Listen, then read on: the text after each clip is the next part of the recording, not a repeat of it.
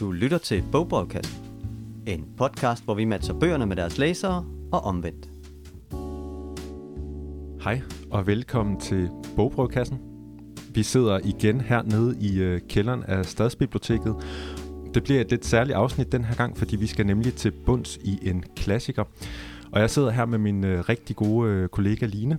Hej. Line. Hej, hej. Og vi skal jo tale om en af vores yndlingsbøger i dag. Ja, vi skal tale om den franske forfatter Marcel Prousts kæmpe store roman På sporet af den tabte tid, der udkom fra 1913 til 1927. Det er jo en roman på godt øh, 4500 sider i den nye danske oversættelse. En, som øh, folk er lidt øh, betænkelige ved at øh, låne med hjem. Man skal måske lige køres i gang. Og derfor så begyndte vi to jo, Henrik, øh, her i foråret at afholde nogle klassikersalonger over i den smukke havesal på, øh, i Stadsarkivet på Fribourgs Hvile, hvor vi simpelthen øh, et stort forfatterskab af gangen åbner de her store klassiske værker op, som man måske ville ønske, man havde læst, men som man lige måske skal have en hjælpende hånd til. Ja. Og vi lagde jo simpelthen benhårdt ud med øh, den øh, sværeste af dem alle, var jeg ved at sige, øh, på sporet af den tabte tid. Den har jo noget at ry, for der er ikke så mange øh, punktummer, og øh, den er meget lang, og den kan være lidt svær at finde rundt i. Men øh, vi to, vi har jo det til fælles, at øh, vi synes jo, ingen bog er bedre end den. Det er rigtigt. Og det var meget sjovt, fordi vi kom jo til at sidde ved siden af hinanden på kontoret, Ja. og så havde jeg jo et bind stående af bogen, og så sagde du, kan du godt lide den bog? Og så måtte jeg sige, ja, det kan jeg. Og så, ja, du har jo skrevet en bog om den, øh, så kan man sige, det var, det var helt sådan fantastisk match, vi lige skulle komme til at sidde ved siden af hinanden, og så tænkte man bare, så skal vi lave et eller andet med den bog. Det må man sige, og øh, det er ikke sket for mig før. Nej, vi har jo øh, simpelthen øh, nørdet det her værk uhemmet, og det vil vi selvfølgelig dele med lånerne. Øhm, der var så stor tilslutning til vores klassikersalonger, at vi tænkte, at dem, der står på venteliste, og alle andre interesserede, skal da også have glæde af noget af alt det her stof, vi samlede sammen. Så nu optager vi det her i dag, og øh, jeg håber virkelig, at folk får blod på tanden, for hvis der er en bog, man ikke skal snyde sig selv for, og øh, altså hvis der er en bog, som der bare er et før og et efter for mig, den har virkelig ændret måden, jeg kigger på verden på, så er det altså på sporet af den tabte tid. Ja, der er desværre rigtig mange bøger, der kommer til at virke en lille smule fladere, når man først har, har kæmpet sig igennem øh, de her 4.500 sider. Det er rigtigt. Det er rigtigt. Den, øh, der er, hvad hedder det, en kanadisk digter, der hedder Anne Carson, hun siger jo, at man vandrer i ørkenen efter Proust, for ingen bog er lige så god. Så nu må I jo se, om I, øh, I tør kaste jer ud i det derude. Men som du også sagde, så er ideen med det her klassikersalon, vi har holdt, jo er lige præcis, at man har forskellige indgange til forskellige klassiske værker. Man skal tit møde dem på deres egne præmisser, og, og mange klassikere er fuldstændig forskellige, så det handler også nogle gange om at lære om, hvordan man går til det, og hvilke ting man nogle gange kan hække sig fast i, i en, øh, i en klassiker, hvis den måske virker sådan lidt utilgængelig. Så det er selvfølgelig også det, vi ligesom har, har villet, når vi har fortalt om den her bog, at vi ligesom prøver at give nogle, nogle pejlemærker at gå efter. Fuldstændig. Hver bog skal nærmest læses på sin egen måde. Ikke? Ja. Man skal lære sig selv at læse forfra hver gang. Og det er noget af det, jeg elsker. Men det er jo ikke alle, der øh, er lige så øh, besynderlige som os to. Så vi kan jo prøve at dele lidt ud af det. Ja. Men øh, skal vi bare til at gå i gang? Ja. Og øh, ganske klassisk jo måske lægge ud med lige at fortælle en lille smule om, hvem ham Marcel Proust øh, egentlig var. Han er jo virkelig en øh, berømt og berygtet forfatter. Øh, skønånd, selskabsløve og hypokonter. Der er rigtig meget forfattermyte omkring Marcel Proust, så det er godt lige at få lidt på plads øh, omkring ham. Det allerførste, man skal sige, er altid et stort men. For når man læser på sporet af den tabte tid, så går det hurtigt op for en, at hovedpersonen i bogen ligner rigtig meget forfatteren Marcel Proust. Og der er også nogen, der kalder ham Marcel, men det gør jeg altså ikke.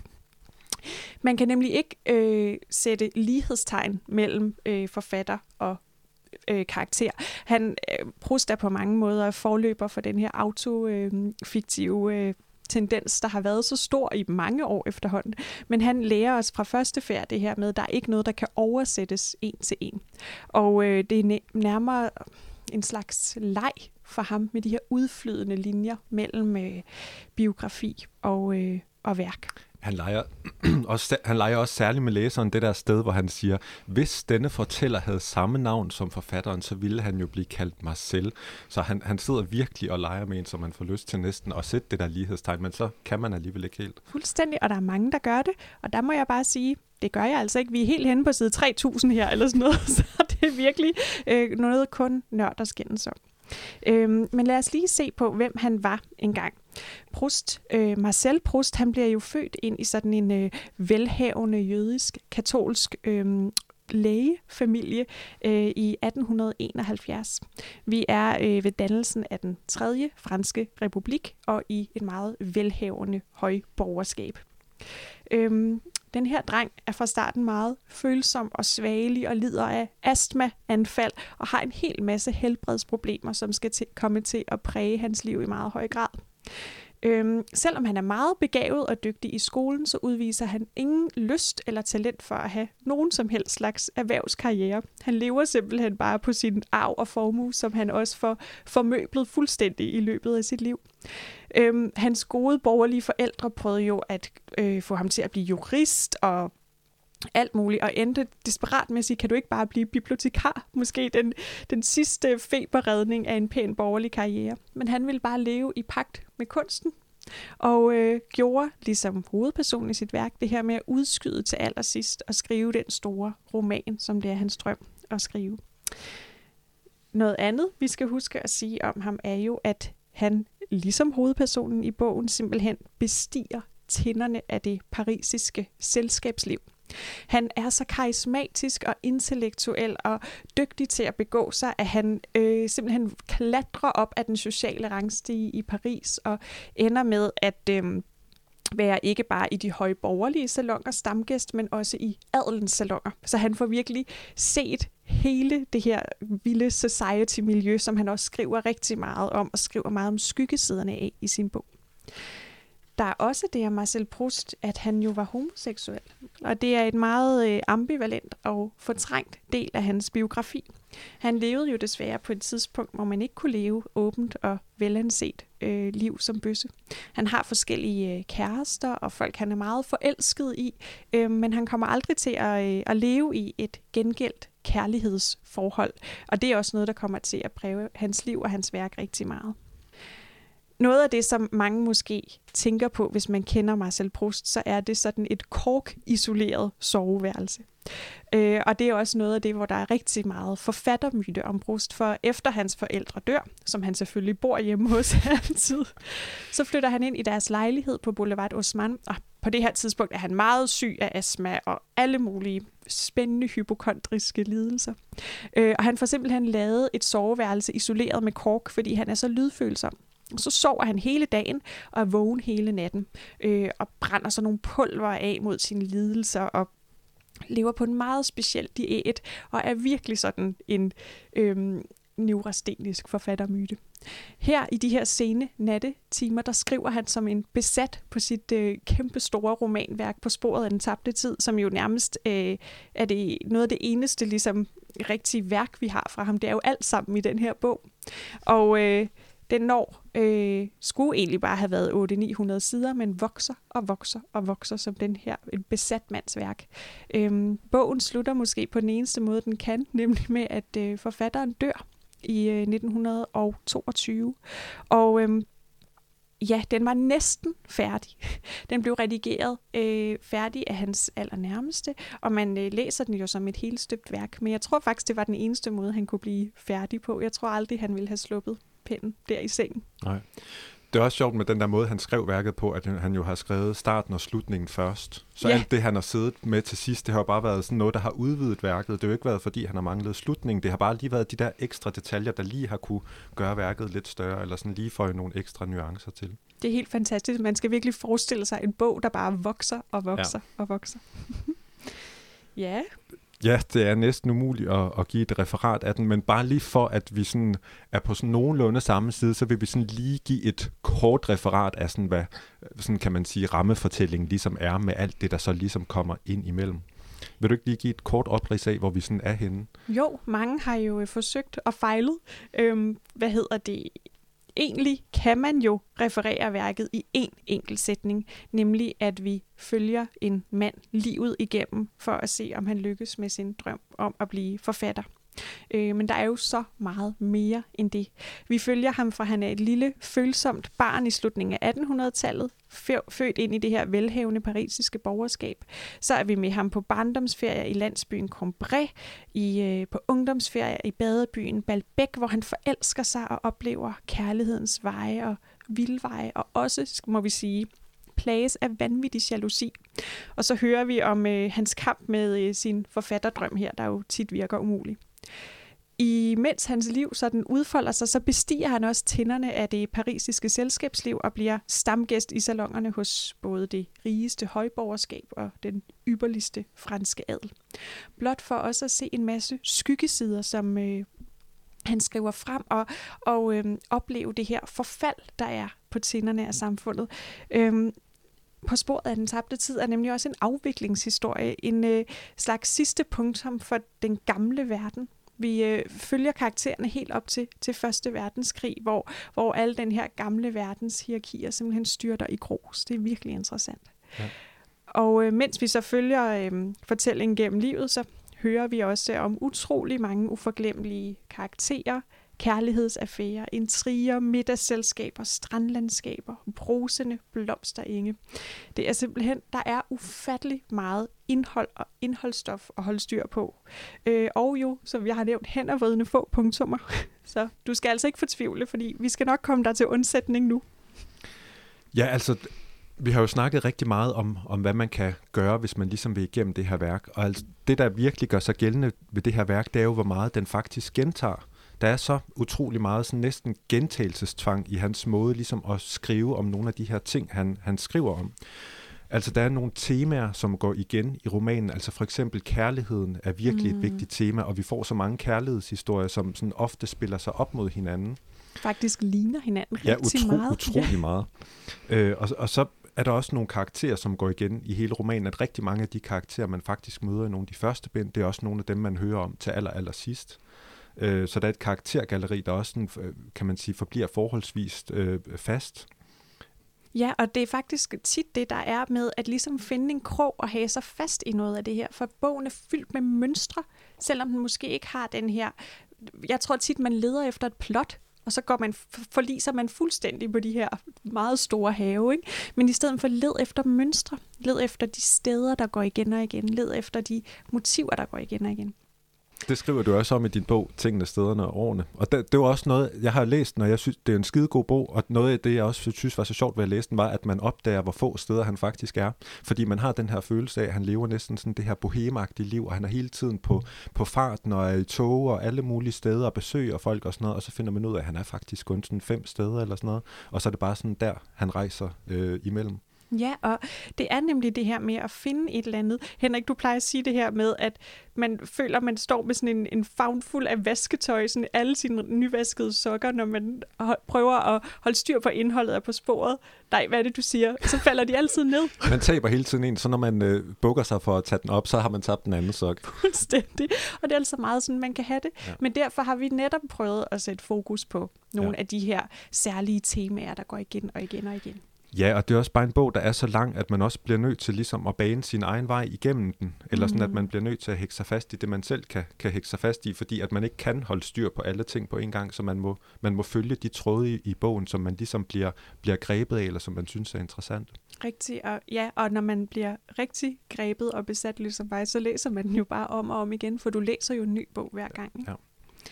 ja, men altså, Henrik, du øh, er jo dykket ret meget ned i et af de her store temaer i bogen, nemlig kærlighed. Er det en øh, storslået øh, kærlighedsroman, vi, øh, vi har foran os?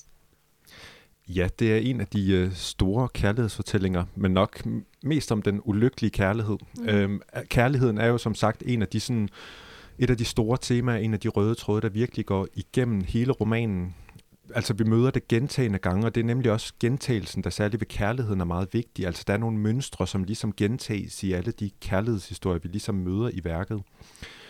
den første sådan romantiske kærlighed, vi møder, det er faktisk øh, gennem den karakter, der hedder Charles Svan, mm. som, øh, som vi jo hører om allerede i, i de første bind. Og han er jo den her øh, utrolig øh, kultiverede, æstetiske herre, som kommer fra de højeste lag af samfundet, men som også er, er venner med, øh, med vores fortællers familie og besøger familien, da de er på deres øh, kombré-besøg øh, om sommeren.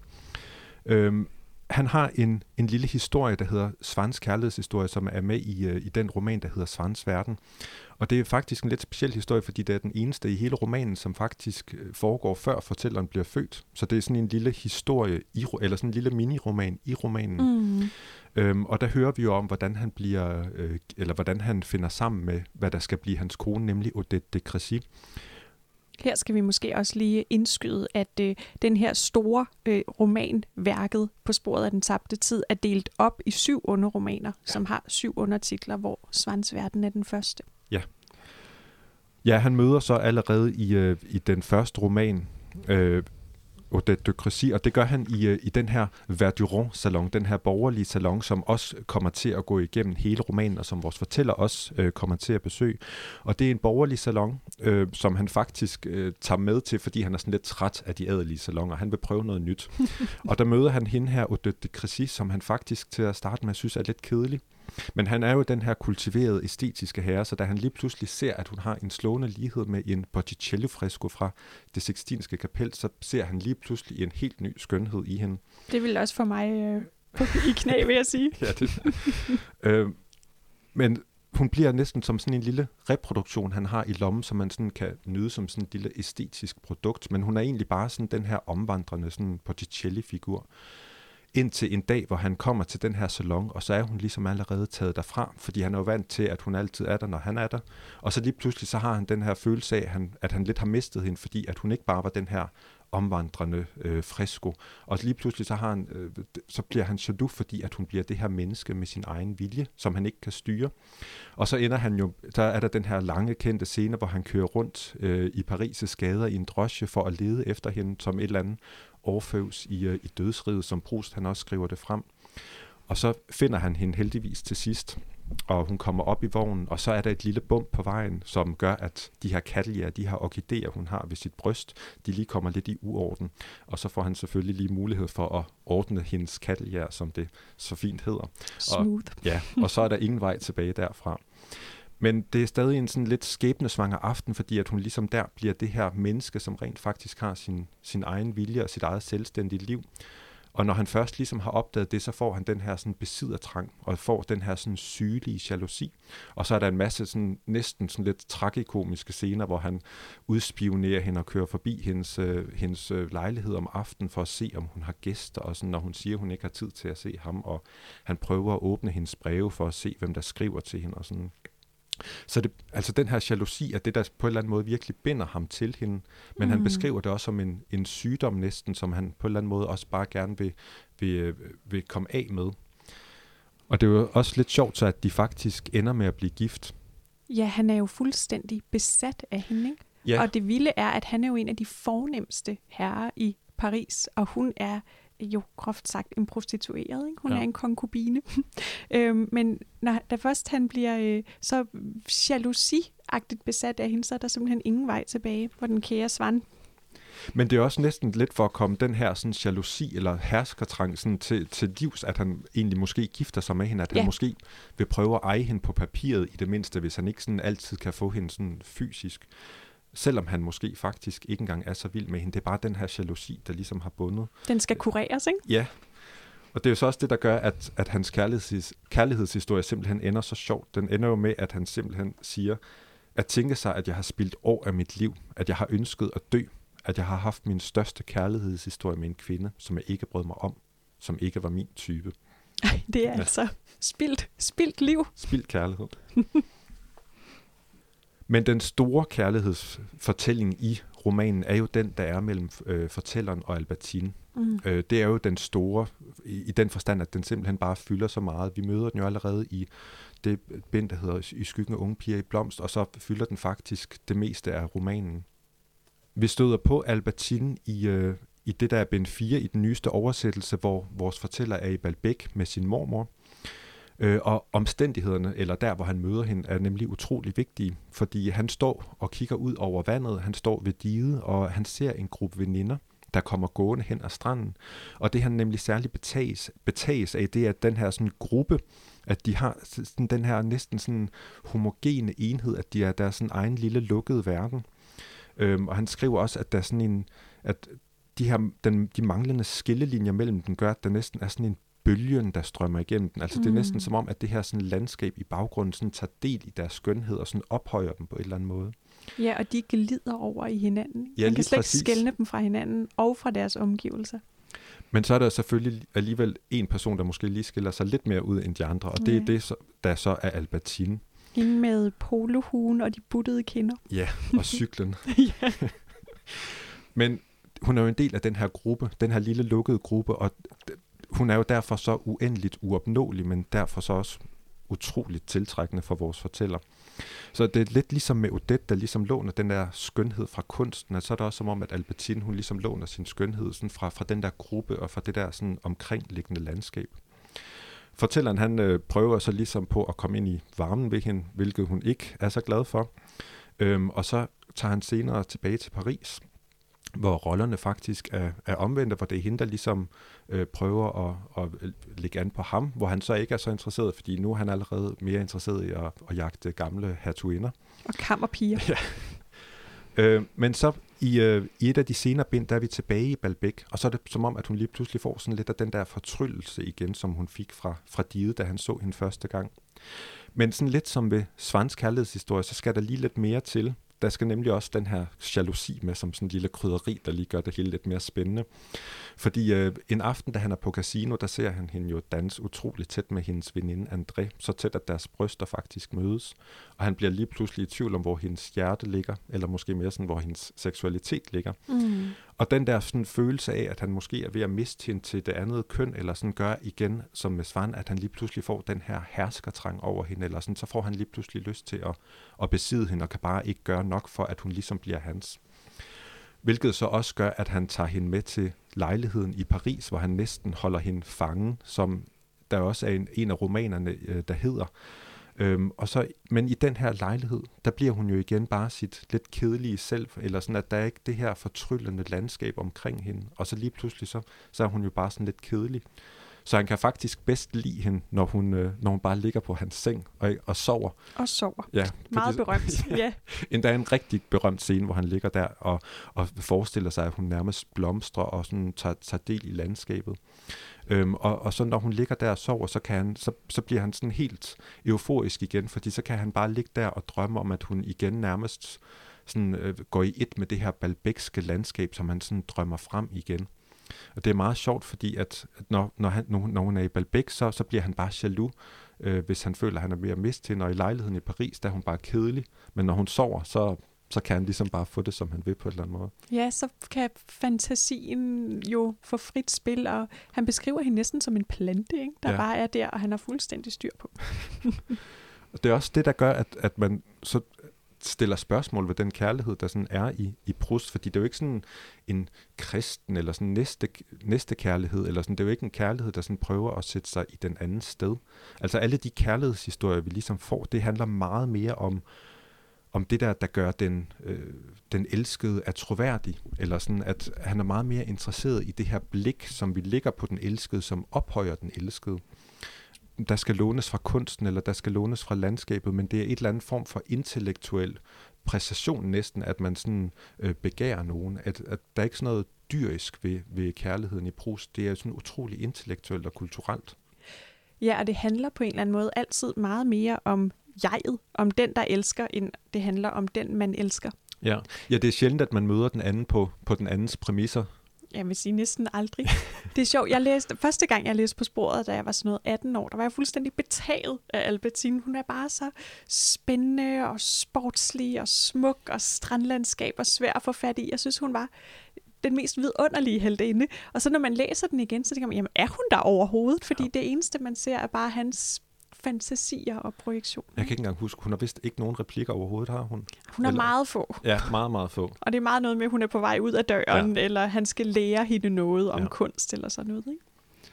Men når det så også bliver den her kærlighed, hvor man ikke rigtig møder den anden på den andens præmisser, men hele tiden har de her personlige eller sådan subjektive fantasier om, hvad den anden har af skønheder, så er det jo, så stemmer de også sjældent overens med, med den person, man så rent faktisk drømmer om, hvilket mm. så også tit leder til de her skuffelser som øh, i kærlighedshistorierne.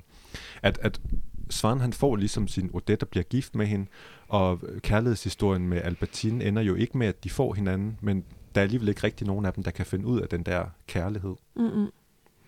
Så altså, det er virkelig ikke i kærligheden, at man ligesom finder lykken for Proust, eller sådan, man finder mening med livet.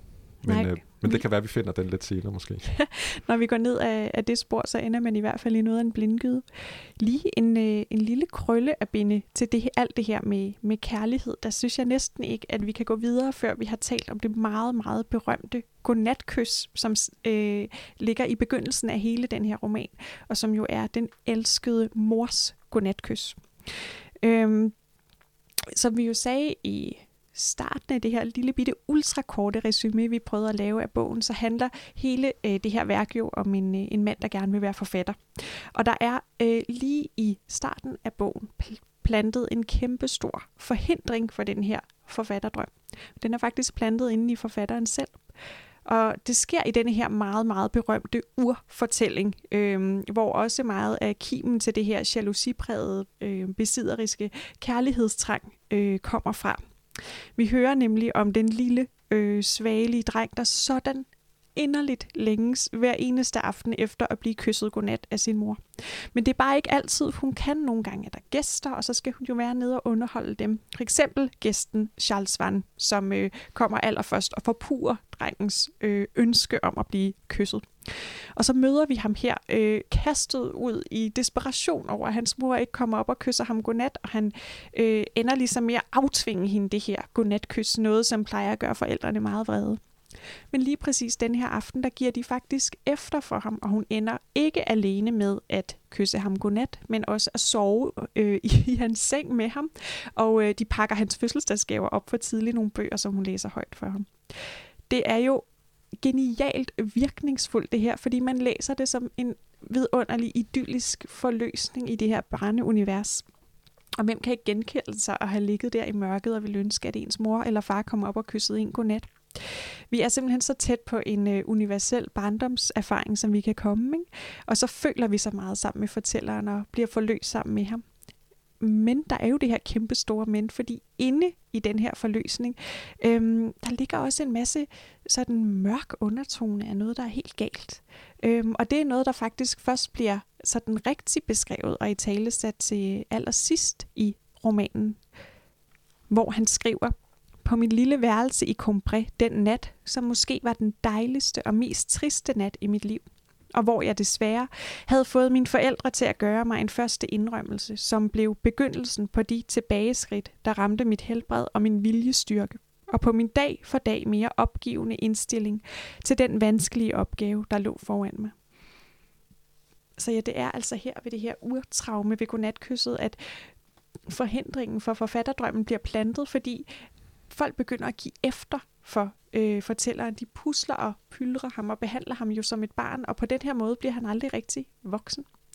Der er ligesom den her puslespilsbrik i starten, der bliver sat helt skævt ind i fortælleren, øhm, men som også gør en masse af det her med, at han bare ønsker at have sin elskede så tæt på sig. Han siger tit, at Albertines godnatkys skal være ligesom morens og sådan noget. Det er meget tydeligt, det er meget tydeligt skrevet frem.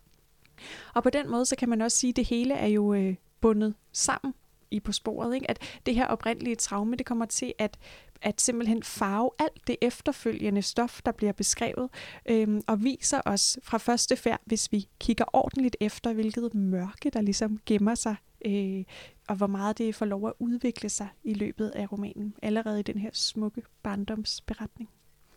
Ja, det er faktisk også en af de ting, som jeg virkelig synes, du har fået mig til at se ekstra meget ved bogen. Eller sådan, fordi at man har virkelig de der billeder af hvidtjørnen og at teen og kagerne og sådan det her parisiske øh, selskabsliv og de store kjoler og, og det hele. Øh, eller sådan, og der er så meget mørke i romanen stadigvæk. Ja, altså skal vi lige prøve at gå lidt ned ad den vej, for det er jo noget, jeg synes er virkelig sjovt.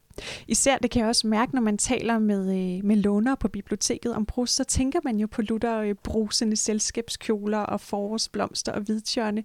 Men den er altså meget dark, den her bog, og det synes jeg er ret fedt at ligesom forfølge det spor, det mørke spor. Øhm, fordi øh, der er ligesom også tit noget andægtigt i, hvordan man går til de her store klassikere. Ikke? Og man tænker, det er noget meget ophøjet og højtidligt og fint, men egentlig er den fuld af snavs, den her bog, og det er altså også meget sjovt. Øhm, som vi jo lige snakkede om her med moren, der er der allerede i det her barndomsparadis masser af tegn på, at det er en øh, korrupt øh, verden i moralsk forfald, vi er ved at bevæge os ind i. Hvor smuk den anden er ovenpå. Øhm, når fortælleren går tur rundt i øh, det her vidunderligt smukke øh, forstadsby i Combré, en, en opdigtet by i værket, der går han på de her vidunderlige blomsterenge, og så pludselig ser han Gilbert, som er hans første barndoms ungdomsforelskelse. Og hun står der i sin have med en lille skovl rødblondt hår og store øjne og ligner jo et glansbillede.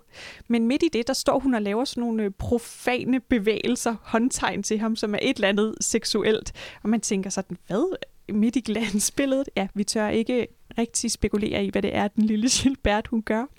Og på nogle andre af de her gåture, der øh, kigger han ligesom gennem et vindue. Han er bare en lille dreng, men ser... Øh, en øh, komponistdatter, der har noget ret eksplicit, sådan SM-sex øh, med sin øh, kæreste. Øh, ja, mens, hun, mens hun spytter på et billede af sin far. Ja, ja, så der er sådan øh, homoseksuel sex allerede her, og SM-sex og alt muligt på et tidspunkt, hvor man jo ikke måtte skrive om sådan noget, skal jeg sige. Men på en eller anden måde får han vundet det ind. Han så, står altid på den rigtige side af vinduet. Præcis, og det er noget, der er meget vigtigt at sige øh, om vores fortæller, at han er en kæmpestor voyeur. Han lurer simpelthen gennem nøglehuller og vinduer og dørsprækker, og det er altid der på den anden side, ja. øh, at alt det beskidte udspiller sig. Fortælleren han er altid bare naiv og på tur, og så sker der alle mulige øh, spændende og øh, sensuelle ting. Og der er det jo også ligesom måske lige værd at lave en lille parentes om forfatterens biografiske liv. Ikke? Han var jo, som jeg sagde tidligere, hemmeligt homoseksuel, i hvert fald for sin omverden. Øhm, og der er bare i den her roman en insisterende omgang med det her emne. Han bliver ved med at behandle det her med seksualiteter, der flyder og vender sig, og mænd, der kan lide mænd, og kvinder, der kan lide kvinder, og alt derimellem. Det fylder enormt meget i værket. Den måde, han kan give sig selv lov til at skrive om det, og også ligesom omgå censuren i samtiden. Det er nemlig det her med, at han altid holder det ud i strakt arm. Det bliver egentlig fordømt rigtig meget i romanen. Dem, der øh, overgiver sig til deres homoseksuelle laster, de øh, går jo til grunde. Men på en eller anden måde, ved at undersøge det så langt væk fra hovedpersonen, der får han lov til simpelthen at fylde sit værk på en dybt ambivalent måde med det, som han blev nødt til at fortrænge gennem hele sit liv. Det er sindssygt spændende, synes jeg. Og der må jeg jo bare sige, at ingen personificerer det her øh, fornedrelsesmotiv bedre end en af mine absolute yndlingskarakterer i værket, nemlig baronen Palamet de Charlus. Øh, han er jo sådan en uforglemmelig snop. Han er romanens helt store diva. Øhm, og han øh, står faktisk bag Gilbert her i Søndens have i starten, da hun laver de her frække håndtegn til øh, fortælleren. Så han har ligesom hele tiden befundet sig lidt i, øh, i Søndens have, kan man sige. Og så møder vi ham ligesom på to måder i romanen. På den ene side, der er han sådan en ukronet konge af selskabslivet. Han har den fineste adelige afstamning. Øhm, og er sådan en smuk salonløve, der virkelig er en, en grusom snop, kan man sige. Og så på den anden side, der bliver fortælleren ved med at møde ham uafhængigt af hans sociale status. Og der er det et helt andet øh, billede af Charlus, vi ser nemlig som sådan en øh, løsdrevet forfører, der altid hemmeligt er på jagt efter unge drenge.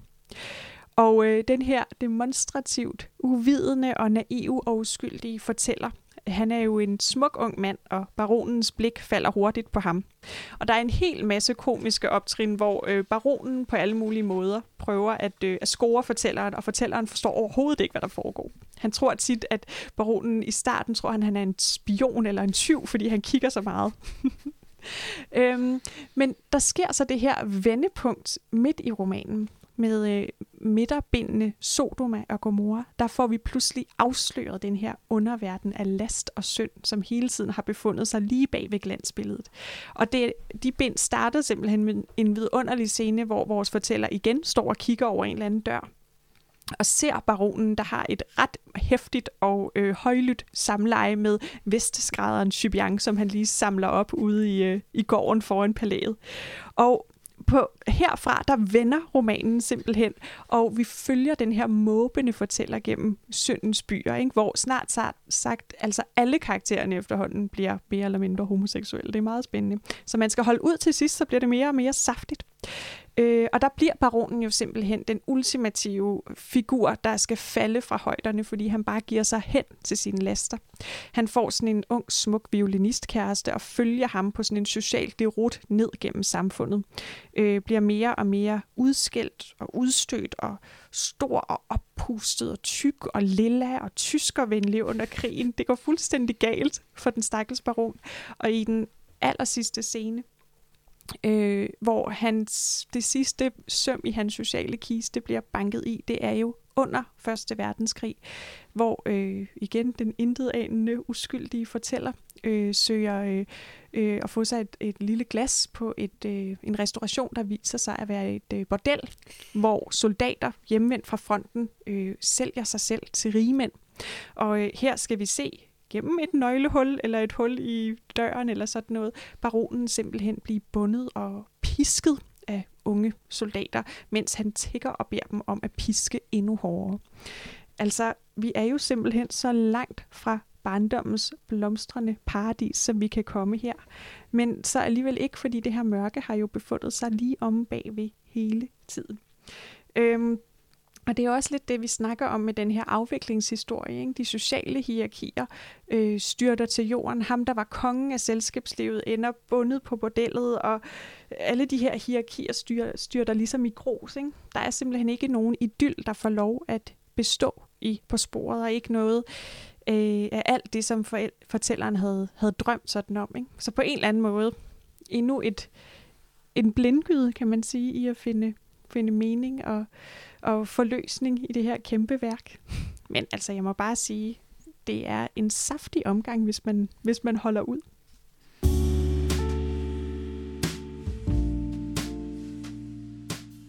Et af de andre øh, spor, vi jo støder på igen og igen i, i løbet af hele værket, det er jo også kunstens spor, altså både billedkunst og musikken og litteraturen. Øh, og der er simpelthen så meget kunst i værket, både når vi ligesom er med fortælleren i operaen, og når han hører musik, altså vi øh, læser både om hans oplevelse af kunsten, men ofte når vi møder øh, kunsten, så er vores fortæller jo ikke kun oplevende, han er også utrolig reflekterende. Han tænker mm. utrolig meget over kunstens væsen, og hvad den er, hvad vil det sige at være kunstner. Og det er jo fordi, han har den her store drøm om at blive forfatter. Øh, så, så hver gang vi møder kunsten, så bliver det jo igennem det her blik, fra en person, som hele tiden prøver at se sig selv i kunsten, eller se, hvor er der ligesom et rum for ham i den her kunst, som han oplever hele tiden. Det sjove med kunsten er jo lidt ligesom med kærligheden, at vi faktisk også lidt introduceres til den gennem Charles Swan, fordi at øh, når han, da, da Swan han besøger øh, familien i, øh, i Compré, der kommer han jo også med de her sådan små miniatyrbilleder af klassisk kunst, som han giver til fortælleren. Så, så det er også igennem Swan, at, at vores fortæller ligesom introduceres til kunstens verden. Og Svan, han er jo den her øh, kultiveret herre, som ser friskoer i smukke damer og sådan, og der er sådan en sjov historie med, at han synes, at en køkkenpige i familien har en slående lighed med Giottos barmhjertighed. Og Giotto var jo også den her renaissancemaler, der, der i en kirke øh, malede de her øh, dyder og laster, og det er ligesom om, at Svan han ligesom repræsenterer det der sådan kunstneriske blik på verden, det der med at se mennesket i kunsten og kunsten i mennesket. Og man kan også se den måde, det ligesom sætter sig i fortælleren, fordi da han jo øh, i et af de sidste bind endelig kommer til Venedig, som han har drømt om hele sit liv med sin mor, der skal han selvfølgelig også lige til Padua for at se det her Giotto-billede, mm. øh, som han ligesom har hørt om fra barndom. Så Svan har virkelig sådan sået et frø i, i, øh, i fortælleren med den her kunst. Samtidig med, at Svan jo faktisk også bliver en lidt tragisk kunstfigur, ikke? for han formår jo aldrig rigtig andet end at, at blive i den, der sådan kigger på det og elsker det og fetisherer det nærmest. Ikke? Ja, og man hører om den her afhandling om ja. Vermeer, som han aldrig bliver færdig han med. Han bliver aldrig færdig. Nej. Og så er forældre, fortælleren lige ved at ende som ham, ikke? hvis ja. han ikke får, får øh, lavet, skrevet sit store værk. Men en af de måder, som, som kunsten også kommer, kommer ind i bogen på, det er også, at, at Proust har de her sådan, tre store kunstnere, som vi ligesom møder i bogen, der ligesom repræsenterer de, de forskellige kunstarter. Øh, og, og det er maleren El Stier, som han møder, da han er i Balbec. Så er det komponisten øh, Venteux, og så er det forfatteren Bagot. Altså, komponisten Monteux møder man jo igen rigtig mange gange i, i løbet af bogen, fordi at han har skrevet den her lille sonate for klaver og violin, som bliver spillet til en masse af de her salonger, de er til. Det er igen også en, som får kæmpe betydning for Svan. Øh, og altså, det er nogle af de sådan, smukkeste sådan, passager, synes jeg, i hele bogen. De der beskrivelser af at høre den der musik, og hvordan den sådan, løfter lytteren op. Eller sådan, det er nogle af de sådan, mest æstetiske oplevelser i hele værket, når de ligesom hører den her frase. Det er helt utroligt. Altså den måde, han er øh, kunst- og musikkender på, den her forfatter. Han kan jo skrive billedkunst og skrive musik som ingen andre. Det Ja. er en kæmpe fornøjelse Der er næsten sådan små æstetiske afhandlinger sådan rundt omkring i værket. øh, men den sjoveste af de her er nok Bagot, fordi at han minder utrolig meget om vores forfatter selv. Øh, vi hører allerede om Bagot i, i allerførste bind, hvor, øh, hvor vi hører om, at øh, fortælleren sidder og læser om ham, øh, hvad hedder det, læser ham, da han allerede er, er ung. Så det er ligesom en forfatter, som, som går igennem øh, det meste af hans liv. Og det er også sjovt at, at se den måde, fortælleren ligesom beskriver den her helt særlige bagotske poetiske stil på, fordi at den, den minder utrolig meget om Prus egen måde at skrive på. Men en af de sjoveste ting med Bagot i hele værket, det er faktisk hans, hans dødsscene, fordi det er virkelig sjældent, at en død øh, driver så meget af kunst, som hans øh, gør. Vi hører nemlig mange, øh, nogle bind senere om, om en meget, meget syg Bagot, der ligger på øh, ja, næsten sin dødsseng. Han er utrolig syg, øh, og der beskrives også, hvordan han ikke har været uden for en dør i flere år, hvilket lyder utrolig meget som Hmm. en vis forfatter. I et soveværelse, ja. isoleret med kork. Men han ligger der og øh, læser så en, øh, en anmeldelse af en udstilling, der har det her famerbillede udsigt øh, over Delft øh, med. Og der er simpelthen bare sådan en beskrivelse af sådan et, en lille detalje i det her billede, som han aldrig har lagt mærke til. Og det er et lille billede af en gul mur, som bliver beskrevet som et kostbart kinesisk kunstværk af en skønhed, der var tilstrækkelig i sig selv. Og når han har læst den her anmeldelse, så må han simpelthen bare kæmpe mod sygdom, og han tramper simpelthen op på det her øh, museum, og det er altså en af de mest sådan, mindeværdige dødsscener, som jeg altså lige vil læse op. Meget berømt. Om sider stod han foran Famers billede, som han huskede som mere strålende, mere forskellig fra alt, hvad han kendte. Men hvor han takket være kritikernes artikel for første gang lagde mærke til nogle små personer i blåt, at sandet var rosafarvet, og endelig det kostelige materiale i det ganske lille stykke gul mur. Hans svimmelhed tog til. Han hæftede sit blik ved det kostelige lille stykke mur, som et barn kigger på en gul sommerfugl, det vil fange. Det var sådan, jeg skulle have skrevet, tænkte han. Mine sidste bøger er for tørre. Jeg skulle have lagt flere lag farve på. Gør, øh, gør min sætning kostelig i sig selv, som dette lille stykke gul mur. Imens var han ganske klar over, hvor alvorlig hans svimmelhed var. I en himmelsk vægt kom hans eget liv til syne på den ene vægtskål, mens den anden rummede det lille stykke mur, der var så smukt malet i gult. Han følte, at han uklogt havde givet det første for at få den anden. Jeg ville dog helst undgå, tænkte han, at blive denne udstillings petitstof i aftenaviserne. Han gentog for sig selv. Lille stykke gul mur med halvtag. Lille stykke gul mur. Imens faldt han tungt ned på en cirkelformet kanapé. Lige så bræt holdt han op med at tænke, at hans liv var i fare. Han genvandt sin optimisme og tænkte, det er en simpel forstoppelse, som disse halvkogte kartofler har givet mig. Det betyder intet. Han blev ramt af et nyt slag. Han rullede fra kanapéen ned på gulvet, hvor alle museumsgæsterne og opsynsmændene kom løbende til. Han var død. Uforglemmeligt. Ja, jeg synes, det er så sjovt, fordi man er virkelig en sand kunstner, når man har døden åndende i nakken, og ikke sådan tænker, kunne jeg have været et bedre menneske, men man tænker bare, jeg skulle have skrevet anderledes. Ej, det er gribende. Det er så fedt. Og så er der jo også det, øh, må vi hellere skynde os at nævne, før proskenderne kommer efter os, at denne her øh, lille gule mur på det her Vermeer-billede, som jo findes i virkeligheden, den er der bare ikke. Der er, jeg ved ikke, hvor mange øh, kunst- øh, og prustkender, der er valgfartet til, er det i Haag, det hænger normalt, tror jeg, og øh, har let efter muren, og der er et gult tag, og der er noget lidt orange mur og sådan noget, men den findes simpelthen ikke. Og det her spørgsmål med, er det en forglemmelse fra forfatterens side, eller er det den her leg mellem virkelighed og værk, som han bliver ved med sådan at, at vildlede os på, det er, øh, det er bare noget af det, der gør det endnu mere mystisk og øh, berømt på en eller anden måde, det hele, ikke? Men det er også sjovt, hvordan man sådan ligesom kan mærke, måske Proust selv ligesom sådan spøge lidt i den her Bagot. Fordi Bagot han angrer jo ikke andet end den kunst, han ligesom ikke har fået lavet. Og det er næsten som om, vi ser en frygt ved, ved Proust selv, der jo også lå og var syg. For, om, eller en frygt for, at han ikke når at, at fuldende det her store værk, som han ligesom har sat sig for at skrive. Øhm, så det er næsten som om, han prøver at bruge sådan Bagots øh, død som en formaning til sig selv om, nu skal, nu skal jeg skrive det her værk færdigt, og skrive det, så det virkelig bare er, er fantastisk. Og det er også lidt sjovt med den her gule mur, fordi den, det er jo, den her måde, det bliver beskrevet på, er jo næsten lidt som sådan den her prustske skrivestil. Altså den her lille ting, man så nemt overser, men som med alle de her lag af maling alligevel har alverdens detaljer, når man bare lige har blik for dem. Præcis, præcis. Du må lige hen og genbesøge det igen, ja. og så ser du alle de kostelige sætninger med deres mange lag. Ja, og det er jo også hen ved slutningen af værket, at, øh, at den her berømte dødsscene kommer. Og vi er jo også efterhånden øh, ved enden af værket med den her fortæller, der har levet sit liv øh, med øh, selskaber og damer og jeg ved ikke hvad, øh, og kunst. Men mange af de her ting har jo vist sig at være store skuffelser. Et eller andet sted, når vi nærmer os øh, slutningen af romanen, så står vi med øh, en mand, der træffede de øh, forkerte valg og, og fulgte de gale stier. Men jeg tror, så tænker vi som læser, hvad er det så for en vidunderlig bog, vi lige har læst?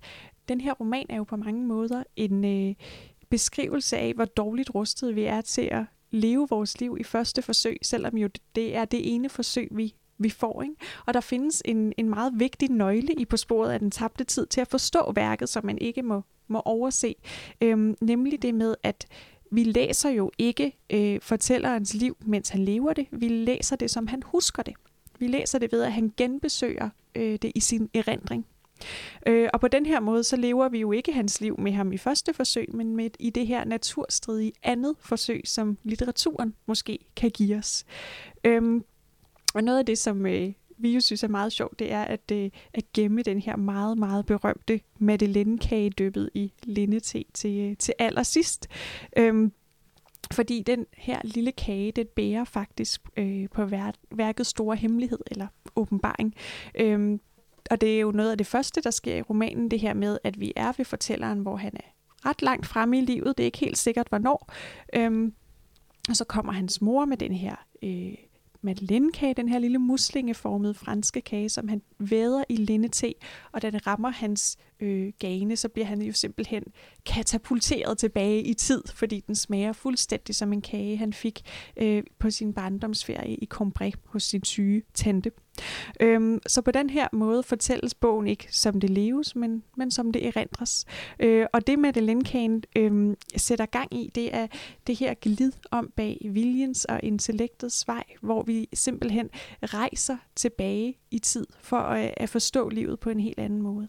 Og jeg synes lige, at vi skal have lov at have de her øh, berømte ord omkring kagen, fordi de er så vidunderlige, så nu læser jeg lige op. Og i samme øjeblik, som jeg havde genkendt smagen af det stykke madeleinekage dyppet i lindete, som min tante plejede at give mig, om end jeg endnu ikke vidste, hvorfor erindringen om det gjorde mig så lykkelig, og måtte udsætte det til langt senere at finde ud af det dukkede det gamle grå hus mod gaden, hvor hun havde sit værelse, op som en teaterkulisse og føjede sig til den lille bygning, der vendte ud mod haven, og som var blevet opført bagved til mine forældre. Det afgrænsede udsnit, som var det eneste, jeg havde genset indtil nu. Og i huset kom byen, lige fra morgen til aften og i al slags vejr. Torvet, hvor jeg blev sendt hen før frokost. De gader, hvor jeg købte ind, og de veje, hvor vi gik tur, når vejret var godt. Og ligesom i den leg, hvor japanerne morer sig med at dyppe nogle små stykker papir i en porcelænsskål fyldt med vand, hvor de papirstumper, der indtil da har set nøjagtigt ens ud, øjeblikkeligt udvider sig, vrider sig for farve, skiller sig ud fra hinanden og bliver til blomster, huse og solide og genkendelige mennesker. Sten nu også alle blomsterne i vores have og i Svans Park, og åkanderne i Vivon, og de brave folk i landsbyen, og deres små huse og kirken, og hele Combré og dens omegn. Alt det, der får form og fasthed, byen og haverne op af min tekop. Det er en fantastisk smuk passage. Det må man sige. Og det gode er jo, at den allerede er på side 68, så man behøver ikke at læse så langt for at komme til sådan noget, der er så poetisk. Nej, det må man sige. Og som øh, man godt nok ikke har meget luft, når man skal læse op. Men det sjove er, den er jo helt klart den mest sådan, kendte åbenbaring eller epifani, mm. som, som man møder i, i bogen, men det er jo på mange måder ikke den vigtigste. Dem møder man jo egentlig først sådan rigtig til sidst. Og det er nemlig det, der er lidt sjovt, fordi det er nemlig i flertal. Han bliver overstrømmet af, af de her epifanier igen mod slutningen af bogen. Øh, til slut, der møder vi jo fortælleren, hvor han er på vej til det her selskab øh, ved Fyrst Inden af Gamont. Øh, et selskab, hvor han ligesom ser alle de her karakterer, vi har læst om i over flere tusind sider, at de, de pludselig er blevet gamle mennesker. Øh, på vej dertil, der snubler han jo over en, øh, over en brosten, og pludselig så får han igen den her sådan lykketilstand. Den har ligesom vagt noget til live i ham igen.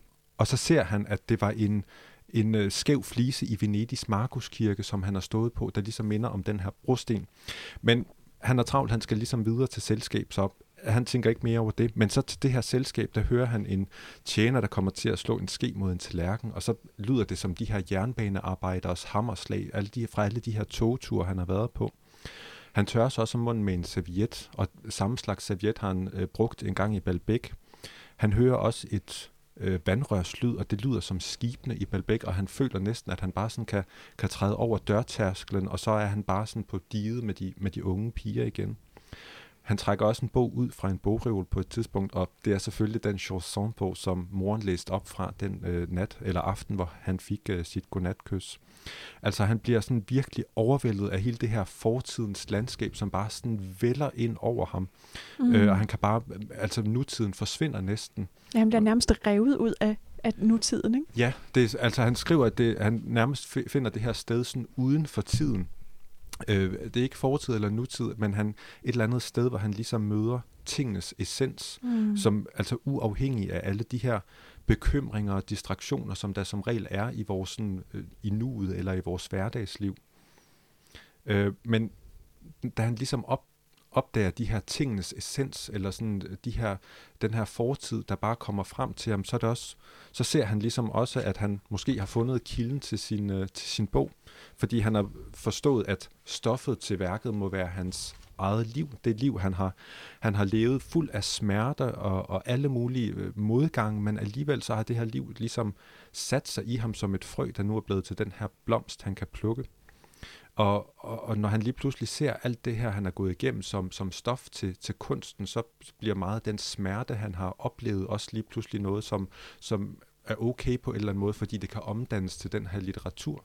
Og på den måde, så bliver han jo også øh, lykkeligere end, end Svand, som, som oplevede kærlighedens smerte, men aldrig øh, ophøjede den i kunsten. Men, men det ser for, fortælleren ligesom en mulighed for. Mm. Hos ham er det virkelig det sted, at man bliver forløst. Ja. Og øh, hvor han er lige ved hele tiden ikke at nå det. Men øh, samtidig fastholder han også et eller andet sted midt imellem, ikke? mens livet er ved at blive til kunst. Det er noget af det, der er så fantastisk, synes jeg, ved at man langsomt forstår logikken i det her værk. Ikke? Ja, fordi vi kommer jo kun på en eller anden måde der, lige dertil, hvor inspirationen ligesom kommer ind til ham, hvor han ligesom ser det her stof til sit værk. Øh, men han skriver også, at, at nu må han ligesom også, nu har han fået stoffet, men nu skal han først ligesom skrive det ud. Det er jo samtidig et dybt personligt arbejde, fordi at, at for fortælleren, der er virkeligheden jo ikke et eller andet, man kan beskrive så realistisk eller faktuelt som muligt. Altså, det er nærmest et uh, skældsord for ham, ikke? Ja, lige præcis. ja. At, at for ham, der er det, han kalder tingenes essens, mere hvordan de ligesom er lagret i os. Mm. Øhm, og hvordan de her ting og, og steder og år ligesom altid lærer sig i os på en helt sådan unik, subjektiv måde. Hvilket så også gør, at for, han, fortælleren ikke kan skrive om Albertin uden at skrive om Balbec, og han kan ikke skrive om Balbec uden at skrive om Albertin. At for ham, der bliver de to ligesom sammensmeltet, og tråden imellem den er ligesom det, der udgør deres essens for ham. Men det gør jo ligesom også opgaven så meget større, fordi at hvis der er alle de her tråde mellem alt, hvad vi har oplevet, alle de her tråde, som sammenfletter nogle bestemte folk med nogle bestemte steder, eller et bestemt landskab med, med en hændelse eller et eller andet stykke musik, så, så er der også et eller andet forbundethed i ting, der gør, at når man skal skrive om sig selv, så skal man også skrive om alle de tråde, man ligesom har været viklet ind i i løbet af hele sit liv. Hvilket jo selvfølgelig gør, at, at værket bliver 4.500 sider lang, fordi det kan bare ikke gøres kortere. Nej, pludselig forstår man det. Og så står man jo der på værkets aller sidste sider, hvor han så øh, må gøre sig klar til den her kæmpe opgave. Det er, øh, efter han har haft alle åbenbaringer, at skulle skrive det her bog om sit liv. Ja. Øh, og siger, nu må jeg godt nok skynde mig, det er en kamp mod tiden. Vi slutter sådan helt øh, clickbait-agtigt. Bliver det så den bog, som vi som læsere står med i hånden? Ja. Øhm, og ja, det er kæmpe værk, Henrik. Jeg håber virkelig, at vi har fået åbnet det en lille smule op øh, over for vores lyttere og vores kære bibliotekslånere. Ja, at vi har fået givet et par, par fifs til, hvad man kan hægte sig fast i, i hvert fald. Ja, eller bare øh, fortalt rigtig meget om det, så man kan føle sig lidt øh, hjemme i et værk, og øh, måske øh, blære sig til det næste øh, salon middagsselskab, man er til, om hvor meget man ved om på sporet af den tabte tid. Øhm, det er jo øh, en, en fornem formidlingsopgave, synes vi, at prøve at, at åbne bøger for vores lånere. Vi holder også en, øh, en klassikersalon her den 21. november. Hvad handler den om, Henrik? Den kommer til at handle om lyst og længsel. Uh. Og der dykker vi ned i, uh, i Gustav Flaubert og I.P. Jacobsen og, og nogle af de romaner, de har skrevet om at være menneske, om at være utrolig fuld af længsel, og, og måske lidt om, om nogle af de drømme, som ikke altid går i opfyldelse i livet. Det må man sige. Og øh, ja, så håber vi også meget, at vi her senere på efteråret kan udkomme med en til klassiker podcast, nemlig om den vidunderlige Virginia Woolf. Noget af et, øh, et særudgave af bogbrevkassen, må man sige. En, øh, en anderledes, øh, et anderledes slags afsnit, hvor vi virkelig har fået nørdet igennem. Vi håber, I kunne lide det. Men vi håber selvfølgelig også bare, ja, at vi har åbnet nogle værker op, som vi jo plejer at gøre i, i bogprøvekasten. Prøve at formidle noget, nogle, nogle bøger, som vi bare elsker, og som måske nogle gange er lidt sværere end andre, og det er så bare det, vi har prøvet i dag. Og til sidst selvfølgelig, hvis man har nogle kvaler i sit læseliv og mangler noget læseinspiration, så er man altid velkommen til at skrive til Bogbrødkassen. Det gør man på infosnablag.ltk.dk, så laver vi et afsnit til jer med gode boganbefalinger. Tak for denne gang. Tak for denne gang.